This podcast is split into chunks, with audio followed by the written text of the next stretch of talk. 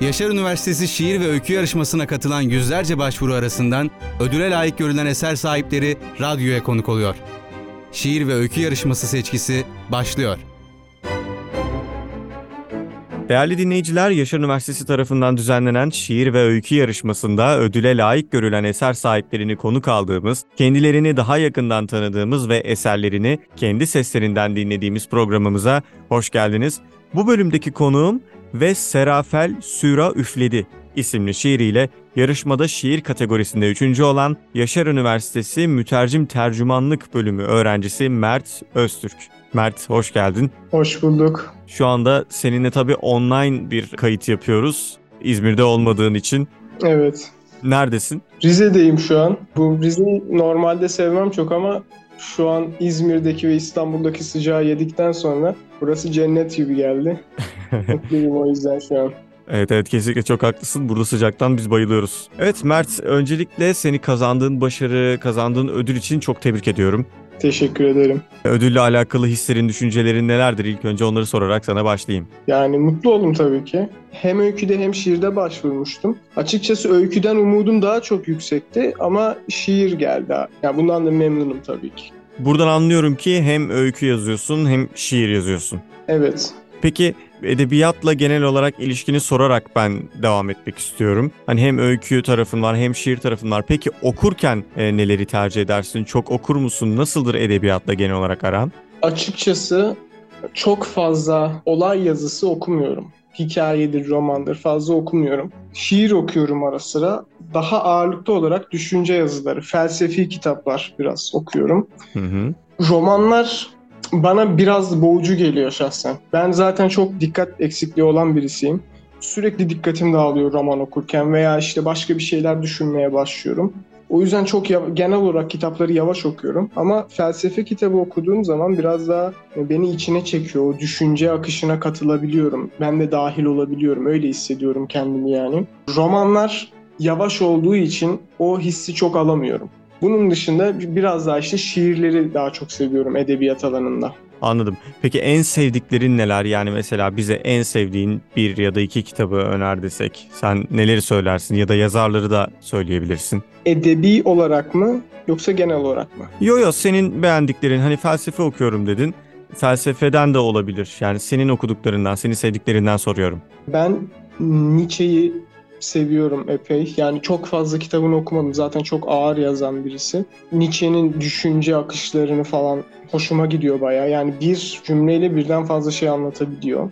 Aynı zamanda Platon ilk okuduğum felsefe kitapları, Platon'un kitapları Devlettir, Şölendir. Onları seviyorum. Şiir alanında da Nazım Hikmet'i seviyorum. Aslında çok şeyleri sevmem. Kafiyesiz şiirleri, uyaksız şiirleri çok sevmiyorum ama Nazım Hikmet'in şiirleri güzel geliyor. Peki şimdi bu saydığın isimlerden sen kendi yazdığın öykülerde ya da şiirlerde esinleniyor musun? Ne kadar esinleniyorsun? Tabii ki yani e, okuduğum şeylerden fazlasıyla esinleniyorum. Hatta bazen biraz fazla esinlendiğimi hissedip neredeyse tabiri caizse çakma olacak şeye kadar geldiğimi düşünüp duruyorum. Ya, ya okumayı ya da yazmayı bırakıyorum bir süre. Zaten felsefi şeyler de şiirlerimde çok işliyorum, felsefi konuları. Şiirin kendisi felsefeyle ilgili olmasa bile ucundan bir felsefe dokunuşu yapıyorum genelde. Aynı zamanda şeyi söylemeyi unuttum. Ben Yunan tragedyalarını çok severim. Bu İş Bankası yayınlarının falan 80 sayfalık böyle kitapları oluyor. Evet. Tragedyalarla, Esilos'un falan. Onları çok severim. Onlardaki mitolojik anlatımlar da hoşuma gidiyor. Onları da tabii ki işin içine katabiliyorum. Böyle. Hı hı, anladım. Yani çok yönlü bir e, okuma skalan olduğunu söyleyebilirim. Evet bu çok yönlü olması bence güzel bir şey ama işte dezavantajları da geliyor. Böyle olduğu zaman çok fazla okumanız gerekiyor ki hepsini tam olarak özümseyebilirsiniz.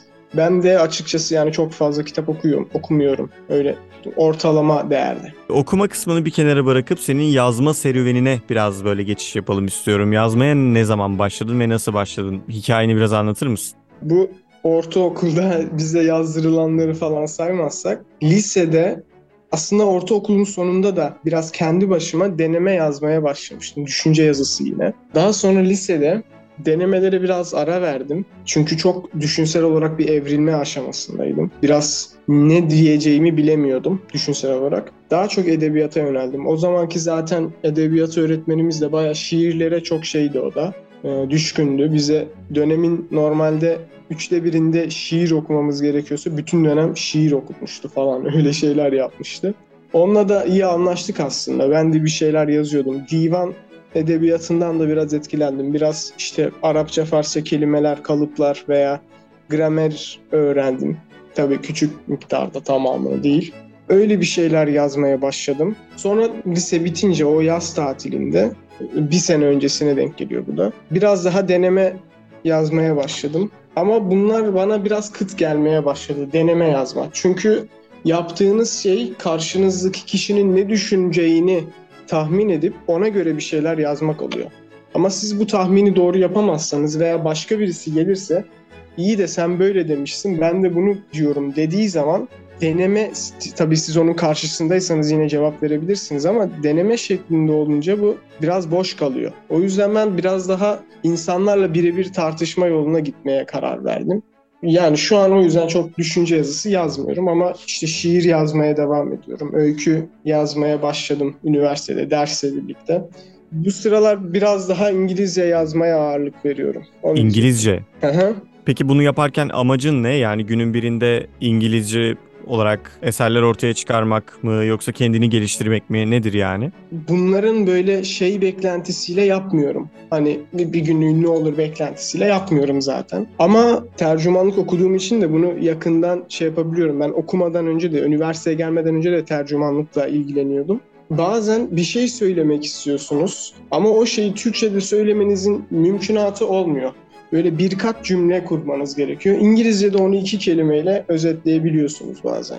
Bu tarz şeyler beni özellikle şeye sürükledi. İngilizce yazmaya. İlk İngilizce yazma şeylerim de Beatles dinliyordum o zamanlar epey. Hala dinliyorum. Beatles'ın şarkılarının basitliğini sevmiştim. Ben de o basitlikte şarkılar yazabilirim diye düşünmüştüm. Böyle başladı İngilizce'de. Tabii İngilizcenin dil yapısı, kafiye yapısı Türkçe'yle çok farklı. Onu da yapabiliyorsan ne mutlu sana. Ve aslında işte etkilen... elimden geleni deniyorum. Hı hı. E ben bu soruyu sorduğumda yani yazmaya nasıl başladın diye sorduğumda genelde sen dedin yani ortaokulda bize yazdırılanları saymazsak diye. Ama aslında bu o kadar önemli ki. Genelde çünkü ortaokulda, ilkokulda yazdırılanlarla başlıyor herkes bu soruyu cevaplamaya. İlkokulda böyle bir şey yazdırmıştı öğretmenimiz bize ya da böyle bir yarışmaya katılmıştım. Genelde işte milli duygularla alakalı şeylerdi gibi anlatıyorlar. Ama mesela o zamanlarda öğrenciyken bize sıkıcı geliyordur. Yani bize sıkıcı geliyordu o tarz şeyler, o tarz yazılar, etkinlikler ama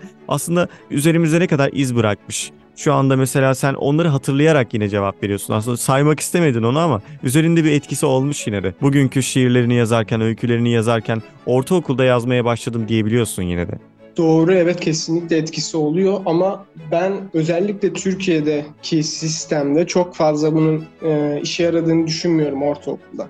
Yani edebi bir eğitim veriyorken gerçekten edebi eğitim vermeniz gerekiyor. İşte bu şiirin yazarı şudur, işte şöyle yapmıştır falan oluyordu genelde orta. Tabii herkesin şeyini bilmiyorum ben. Benim tecrübemden yola çıkarak cevap veriyorum. Ama ortaokulda böyle bir temel teori tarzı bir şey öğrenmedim hiç ben. Hani çok basit deneyerek başladım. Bence tabii ki sistemin tamamen gözden geçirilmesi, yenilenmesi gerekiyor böyle şeyler için ama edebiyat için veya genel olarak sanat için daha farklı şekillerde eğitim verilebilseydi gerçekten de ben şey diyebilirdim yani ortaokulda şunu öğrenmiştim, şunları yapmıştım ve o zaman gerçekten ben işte bir şeyler yazmaya başlamıştım diyebilirim. Peki yazdıklarını paylaşıyor musun Mert? Yani bir blog vesaire yazıyor musun? Ya da daha önce yaptın mı böyle bir şey? Blog değil ama şey Instagram sayfamda paylaşıyorum genelde. Kişisel hesabım o da. Şu, şu sıralar çok paylaşamıyorum. Instagram dediğin platform aslında görsellik odaklı bir platform. Orada yazılarını nasıl paylaşıyorsun? Yine bir görselle eşleştirerek mi? Story'ye bir görsel buluyorum. Konuyla alakalı olan çoğunlukla. O görselin üstüne yazıyı koyuyorum sadece. Hı hı. Peki tepkiler nasıl oluyor? Güzel tepkiler alıyor musun? Çok geniş bir takipçi kitlem olmadığı için çok fazla dönüş olmuyor ama işte beğenen oluyor. Burada e, ne demek istediğin tarzı şeyler soranlar oluyor. Tabii etkileşimde hoşuma gidiyor benim. İnsanlara sonuçta yaptığınız şeyi göstermek güzel hissettiren bir şey. Peki günümüzde şiire olan ya da kitaplara, romanlara olan ilgi, alaka konusunda ne düşünüyorsun? Ne durumdayız sence şu anda? Türkiye özelinde konuşursak, Türkiye'de e, genel olarak zaten okumak çok hani extraordinary bir şey. İnsanların kitap okuması çok fazla karşılaştığımız bir şey değil. Ama ana akımda bazen yine bazı kitaplar falan ünlü olabiliyor. Gerçekten iyi kitaplar. İşte buna en son benim şey yaptığım Sapiens, Harari'nin. Bu tarz kitaplar bazen ünlü olabiliyor. Böyle şeyler tabii güzel yani ülkemizde böyle şeyler de olması. Genel olarak romanlar veya edebiyat üzerinde düşünürsek bir kesim haricinde çok fazla edebiyatla veya genel olarak sanatla çok hani kredi veren kitle yok. Bu yüzden yazarlar da gelişemiyor. Yani siz ne kadar iyi bir şey yazarsanız yazın, onu Türkçe yazdığınız zaman bir yere kadar gidiyor bu. Bunun en son örneğini Old Tomorrows diye bir kurgusal hikayeler bütünü mü diyeyim öyle bir öyle bir şey var. Bilmiyorum hiç duydun mu?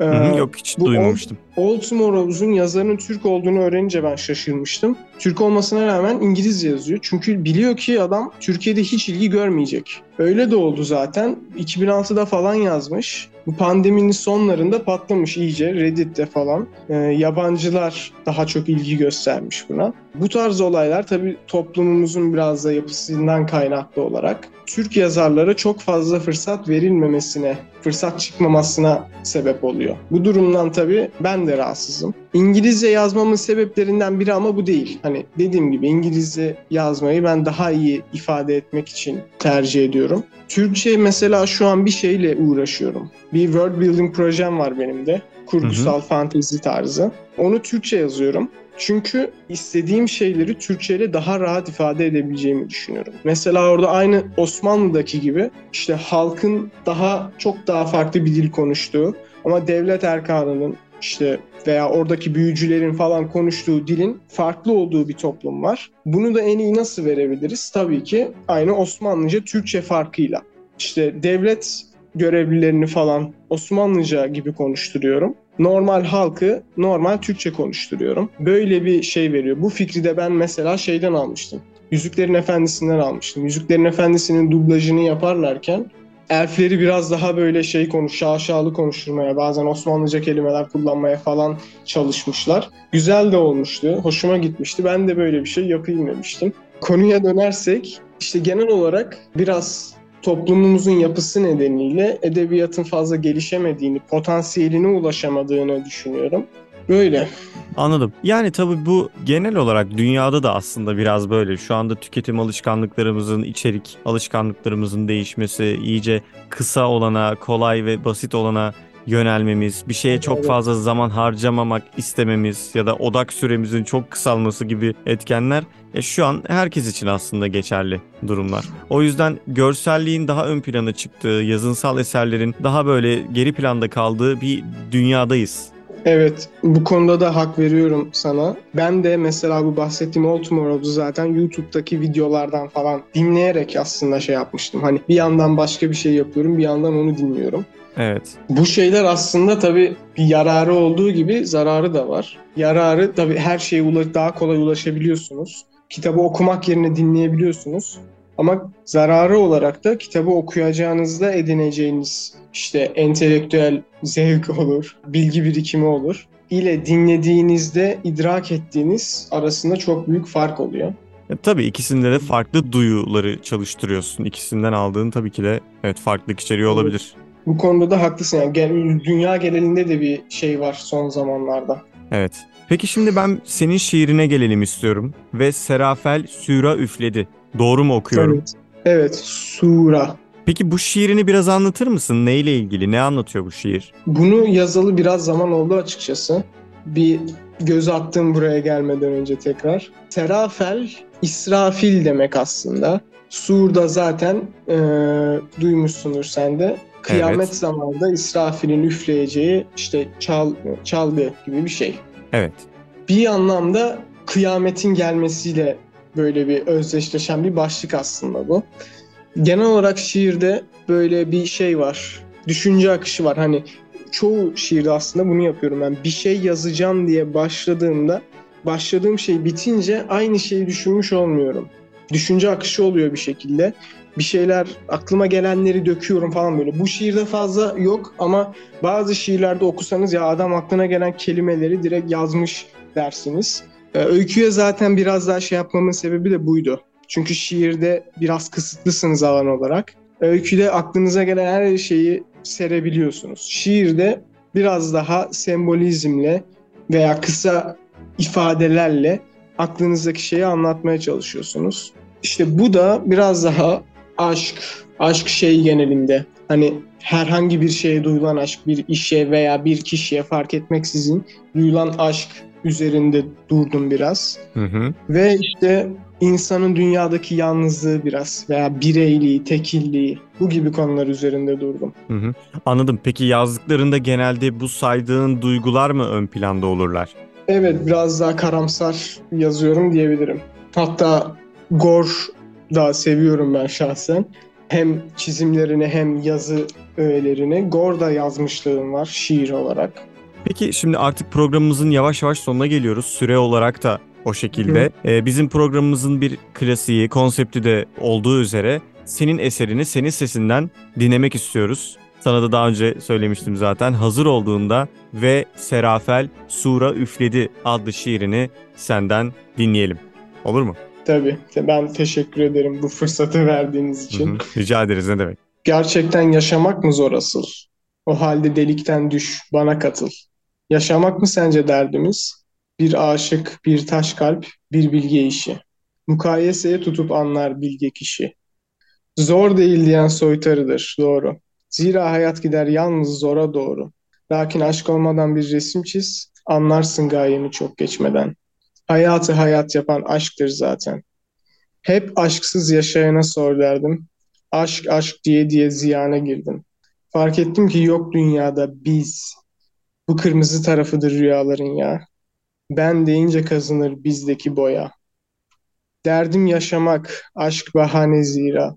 Aşk yanılgısı ışıktır. Olmazsa yol kara. Serafelü isra, ilmi tek geceye diz.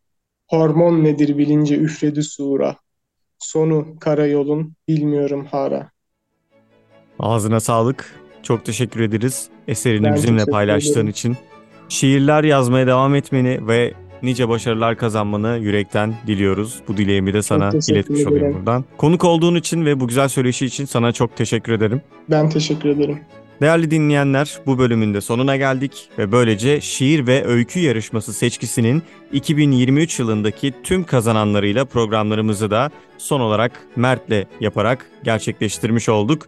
Diğer bölümlere de Spotify üzerinden şiir ve öykü yarışması seçkisi adıyla aratarak göz atmayı ve onları da dinlemeyi unutmayın. Seneye bir şiir ve öykü yarışmasında daha görüşene dek kendinize çok iyi bakın. Hoşçakalın. Hoşçakalın. Şiir ve öykü yarışması seçkisi sona erdi.